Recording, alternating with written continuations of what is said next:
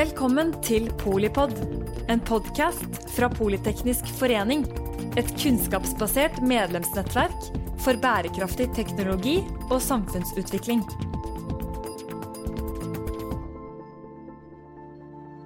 Utviklingen i Ukraina har skapt frykt for atomkrig, og atomangst har nådd en helt ny generasjon.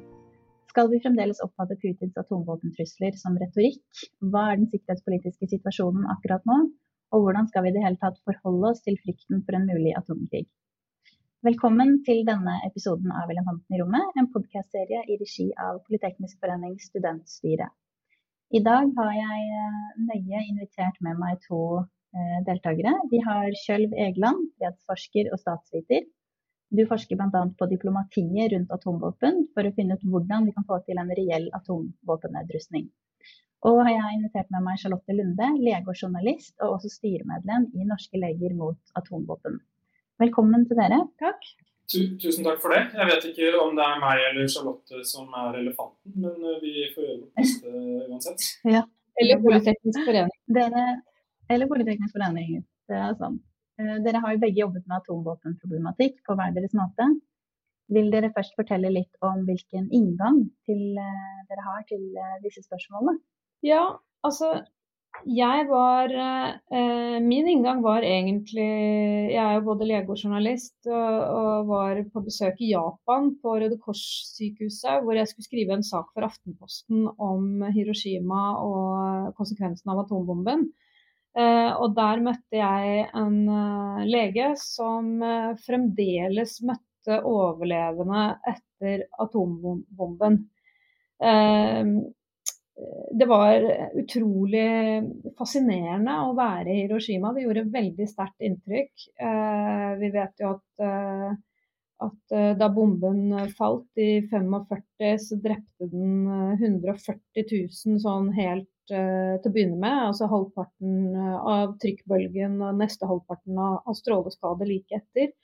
Og så har det jo vært sykdom, altså krefttyper i ulike frekvenser oppover eh, gjennom historien. Og denne, det som gjorde så inntrykk på meg med han eh, doktor Caseda, som jeg husker, han var også medlem av Lege mot atomvåpen. Hans engasjement i Lege mot atomvåpen hadde økt med tiden.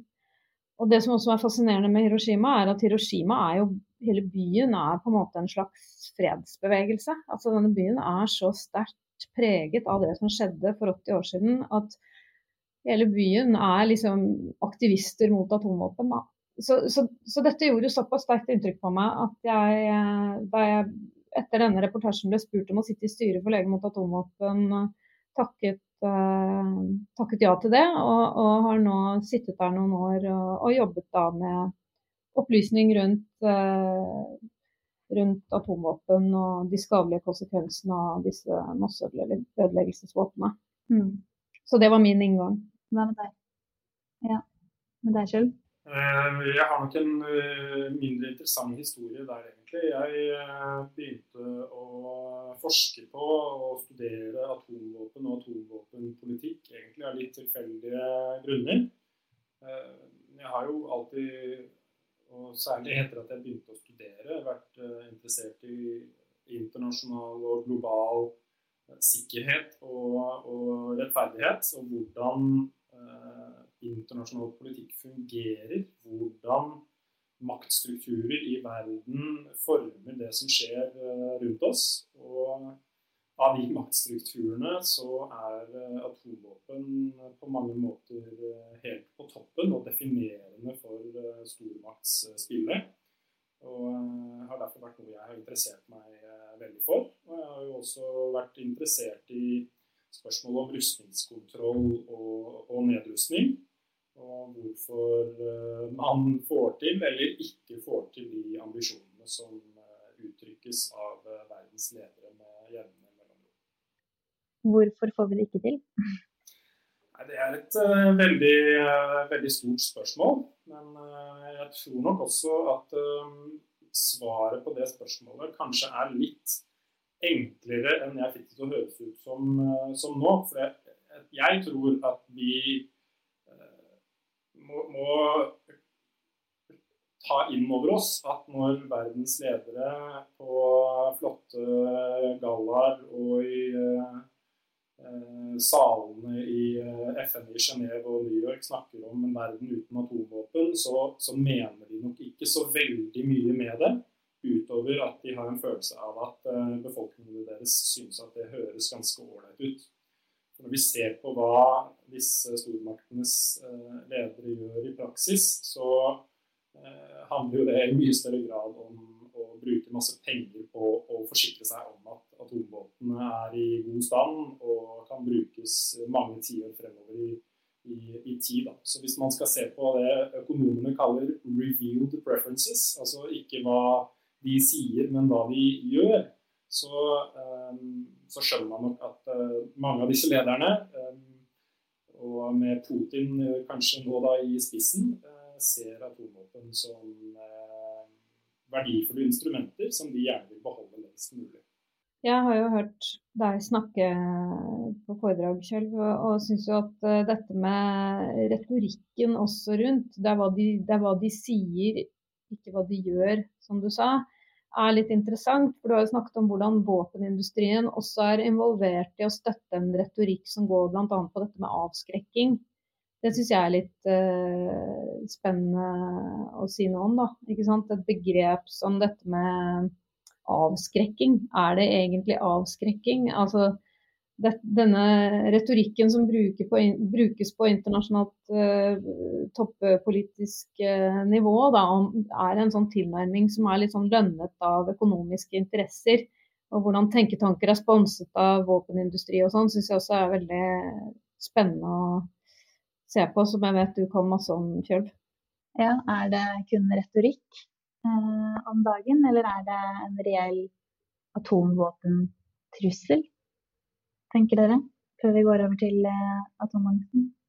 Eh, hvis jeg skal svare på det, så tror jeg jo at det er eh, noen høyst reelle objekter som ligger og lurer bak ordene som kommer frem.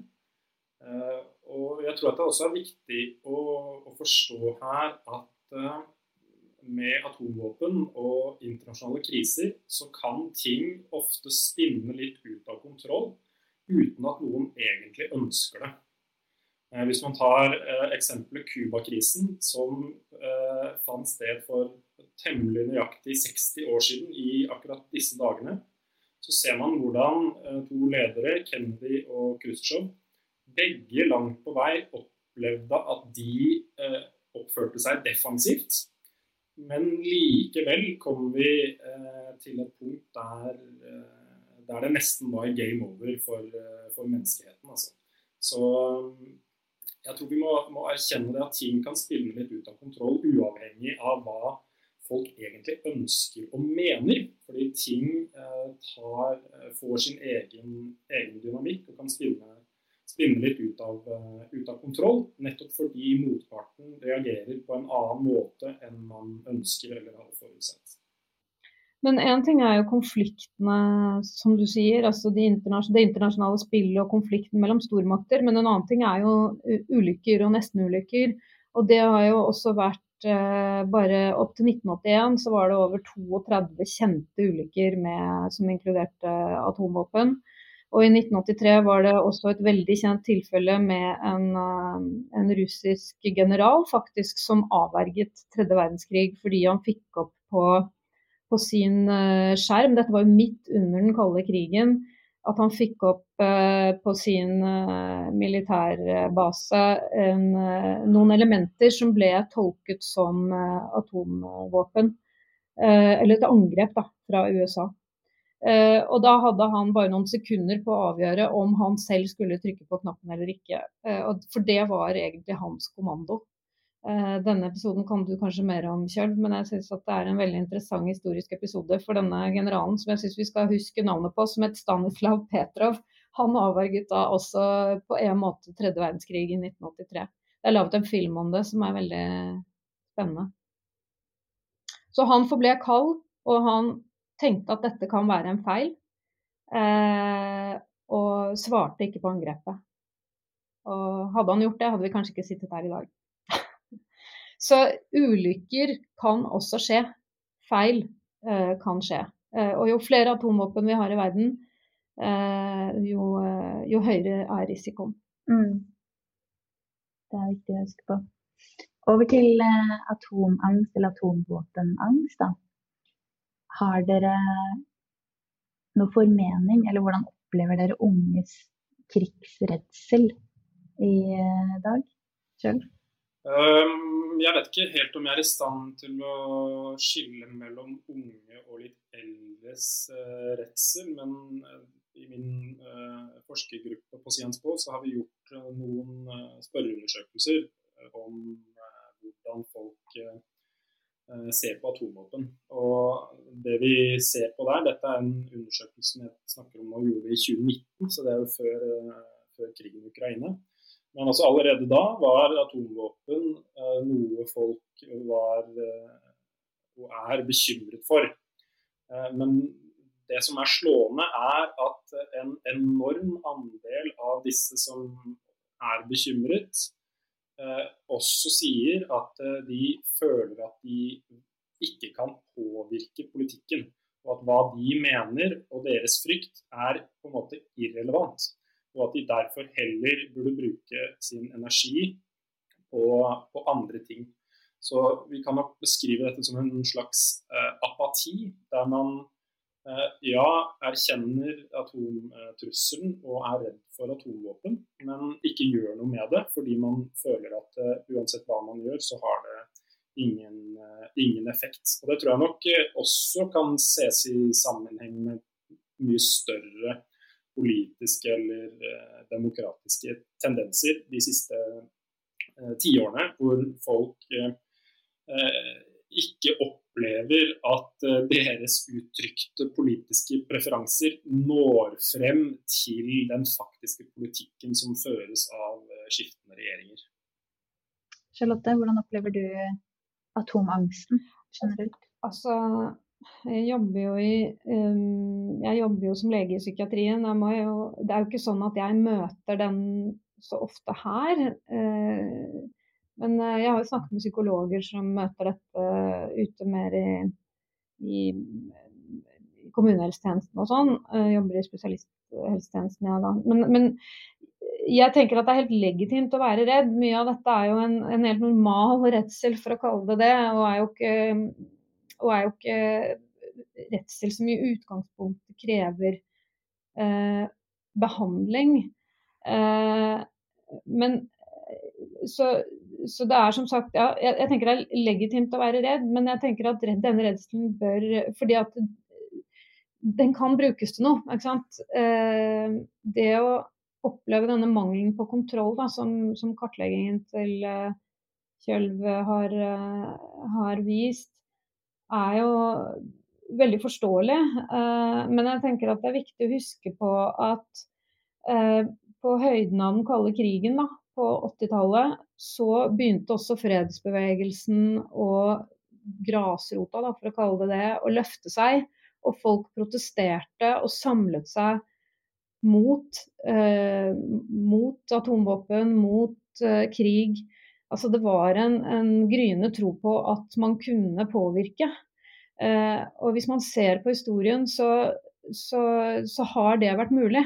Så jeg tenker at Derfor er det utrolig viktig å på en måte ikke miste håp da, om at det går an å, å påvirke. Altså Politikere er også mennesker, og politikere lar seg styre av uh, opinionen. Sånn at uh, selv om det er en reell trussel nå, så bør man bruke den frykten til å mobilisere. Da. For den eneste måten vi kan minimere risikoen på, er ved nedrustning. Eh, og det mener jeg vi alle burde være opptatt av å jobbe for. Mm. Og at det er mulig å organisere seg da, nettopp i, i, ulike organisasjoner som jobber med denne type arbeid. Mm. Så det vil eh, på en måte si at den største eh, forskjellen da, på atomvåpenangsten, eller redselen da, som man hadde på 80-tallet, eh, også har en sammenheng med eh, sosiale medier? Eller tenker dere det? At eh, man blir eh, litt apatisk fordi det er altfor mye informasjon der ute?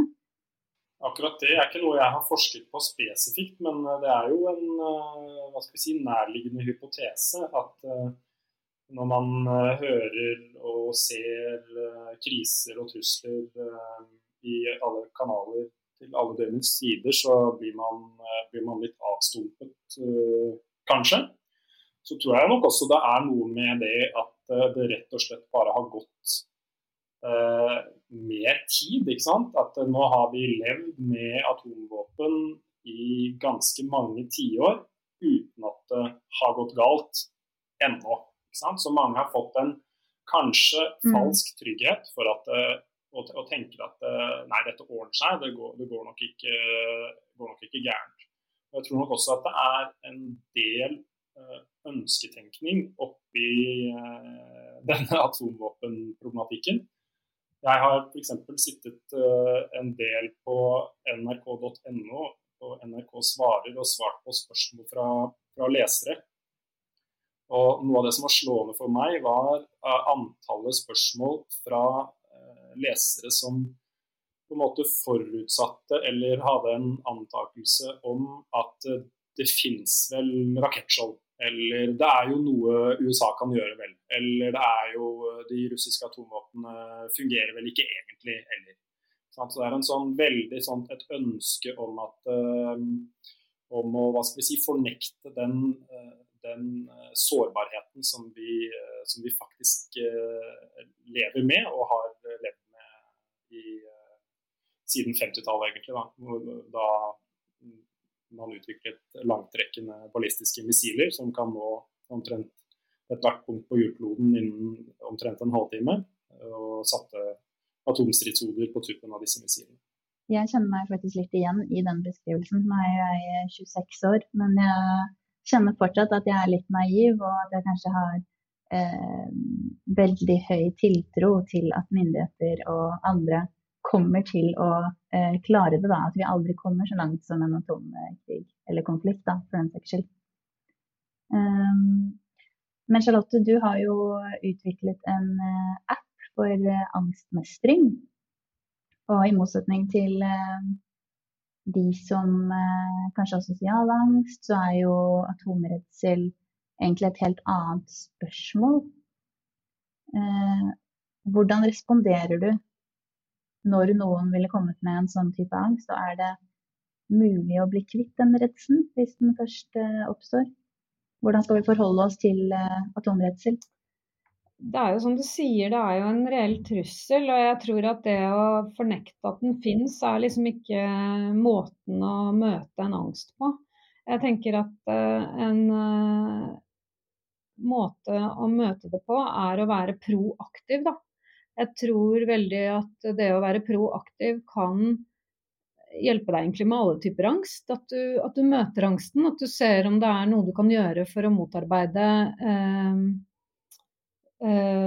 Selv om det føles overveldende og selvfølgelig veldig lett å forstå at man tenker at man ikke At, man, at ingenting nytter. Altså da eh, Det vet du jo ikke før du har prøvd.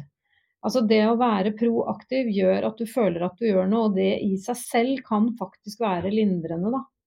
Så um, den appen jeg har laget for angstregulering, det er jo den tenker jeg kan hjelpe for alle typer indre uro. da. Pustepause-appen heter den, og det, jeg skal ikke snakke så mye om den her. Men det er jo en, en generell måte å jobbe med angst på, det er å tåle å stå i angsten. Eh, og den eh, appen kan hjelpe da for å bare tåle sitt eget indre, sitt eget indre på et vis, og, og, leve med det, på en måte. Men som sagt, det å være proaktiv, det å organisere Eller jobbe mot eh, og prøve å påvirke eh, for nedrustning og, og, fred, tenker jeg er rett og slett en terapeutisk eh, vei å gå da, i dette det gir jo veldig mening i mitt hode. Føler mm. at man kan eh, bidra til eh, endring. Mm. Eh, som siste kommentar eh, Skal vi fortsatt forstå Putins atomvåpentrusler som retorikk? Uh, nei, jeg mener jo ikke det. Altså, vi, kan, uh, vi kan jo si det sånn, f.eks. at uh, vi kan gjette med 95 eh, sannsynlighet at eh, alt han sier er bløff. Men når vi har å gjøre med atomvåpen hvor konsekvensene er så ekstreme, så er de 5% virkelig til å ta alvorlig. Så dette her betyr ikke at vi skal legge oss flate og gå med på Putins krav. Men jeg tror absolutt at vi må være oppmerksom på at bruk av atomvåpen er eh, noe som kan skje eh, i forbindelse med denne krigen. Man kan selvfølgelig se for seg en full atomkrig med flere atommakter eh, involvert. Eh, I hvert fall dersom Nato skulle gå inn direkte. Du kan si Noe av grunnen til at Nato ikke har gått inn mer direkte, er nettopp frykten for at noe sånt eh, skal kunne skje. Men jeg tror nok kanskje, selv om jeg syns det er litt problematisk å snakke om sannsynligheter, så, så tror jeg nok det er mer um, troverdig å se for seg at dersom atomvåpen blir brukt i denne krigen, så vil det kanskje være på et nivå under total eller fullskala atomkrig. Man, man, kan jo se for seg at uh, Putin vil sende et slags uh, signal Uh, f.eks. gjennomføre en test eller gå til et begrenset angrep. Uh, for ja, som sagt å sende et, eh, et signal. Da. Og jeg, jeg, tror nok det for f.eks. president Biden vil sitte veldig langt inne og, og, på en måte bli med på et sånt kjernefysisk spill eh, på vegne av Ukraina, som for eh, Biden og amerikanerne tross alt er et land på andre siden av et verdenshav. Mens for Putin, så eh, i hans hode, er eh, Ukraina tilsynelatende et broderfolk eller et slags underfolk, eller i hvert fall et territorium som han føler at han skal, skal sjefe over. Da. Og han har, som han ser som på en måte mye mer verdifullt. Han har mye mer investert i Ukraina enn det eh, Biden har. Og Det er jo derfor man på en måte anser eh, eh, Putins atom, atomtrusler som veldig mye mer troverdige enn, enn det ville vært om Biden hadde kommet ut med, med tilsvarende eh, trusler. Da. Det er jo litt betryggende, i hvert fall. eh, tusen takk for at dere ville være med i denne episoden av eh, Polipod. Eh, mitt navn er Elise Antonissen. Jeg er programsjef i Politeknisk forening. Eh, jeg håper dere lytter til våre andre episoder. Takk Kjell Vegeland og Charlotte Lunde. Takk for at du lyttet til Polipod fra Politeknisk forening. Få med deg flere episoder, eller bli med på nettverksmøtene som du finner på at polyteknisk.